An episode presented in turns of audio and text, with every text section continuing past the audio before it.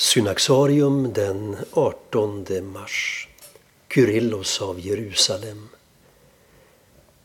Knappast någon enskild person under historien har haft så stor betydelse för gudstjänstens och kyrkoårets utformning som Kyrillos, biskop i Jerusalem åren 348 till 386.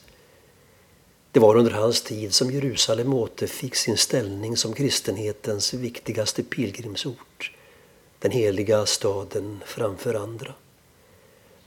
Kyrillos var visionär och en djärv förnyare av gudstjänstlivet.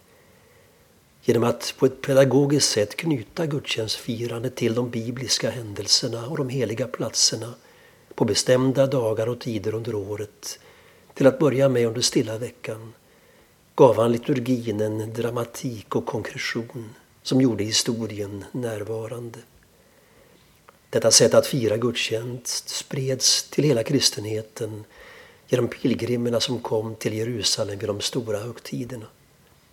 Uppståndelsekyrkan som på 330-talet byggts upp ovanpå Golgataklippan och Jesu grav fylldes med ständig bön och lovsång och utgjorde centrum för de kristnas gudstjänst i Jerusalem.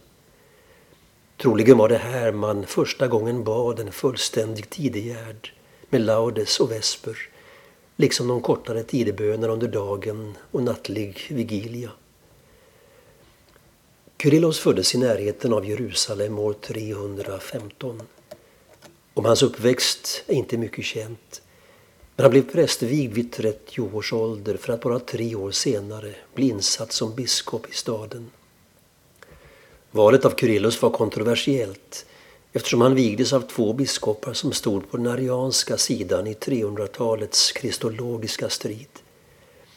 Det gjorde att Kyrillos fick utstå rykten om att han själv hade arianska sympatier. Han kom dock att bli en av sin tids stora försvarare av den apostoliska tron och blev därför sänd i exil tre gånger av kejsare och biskopar som stödde den arianska sidan i striden.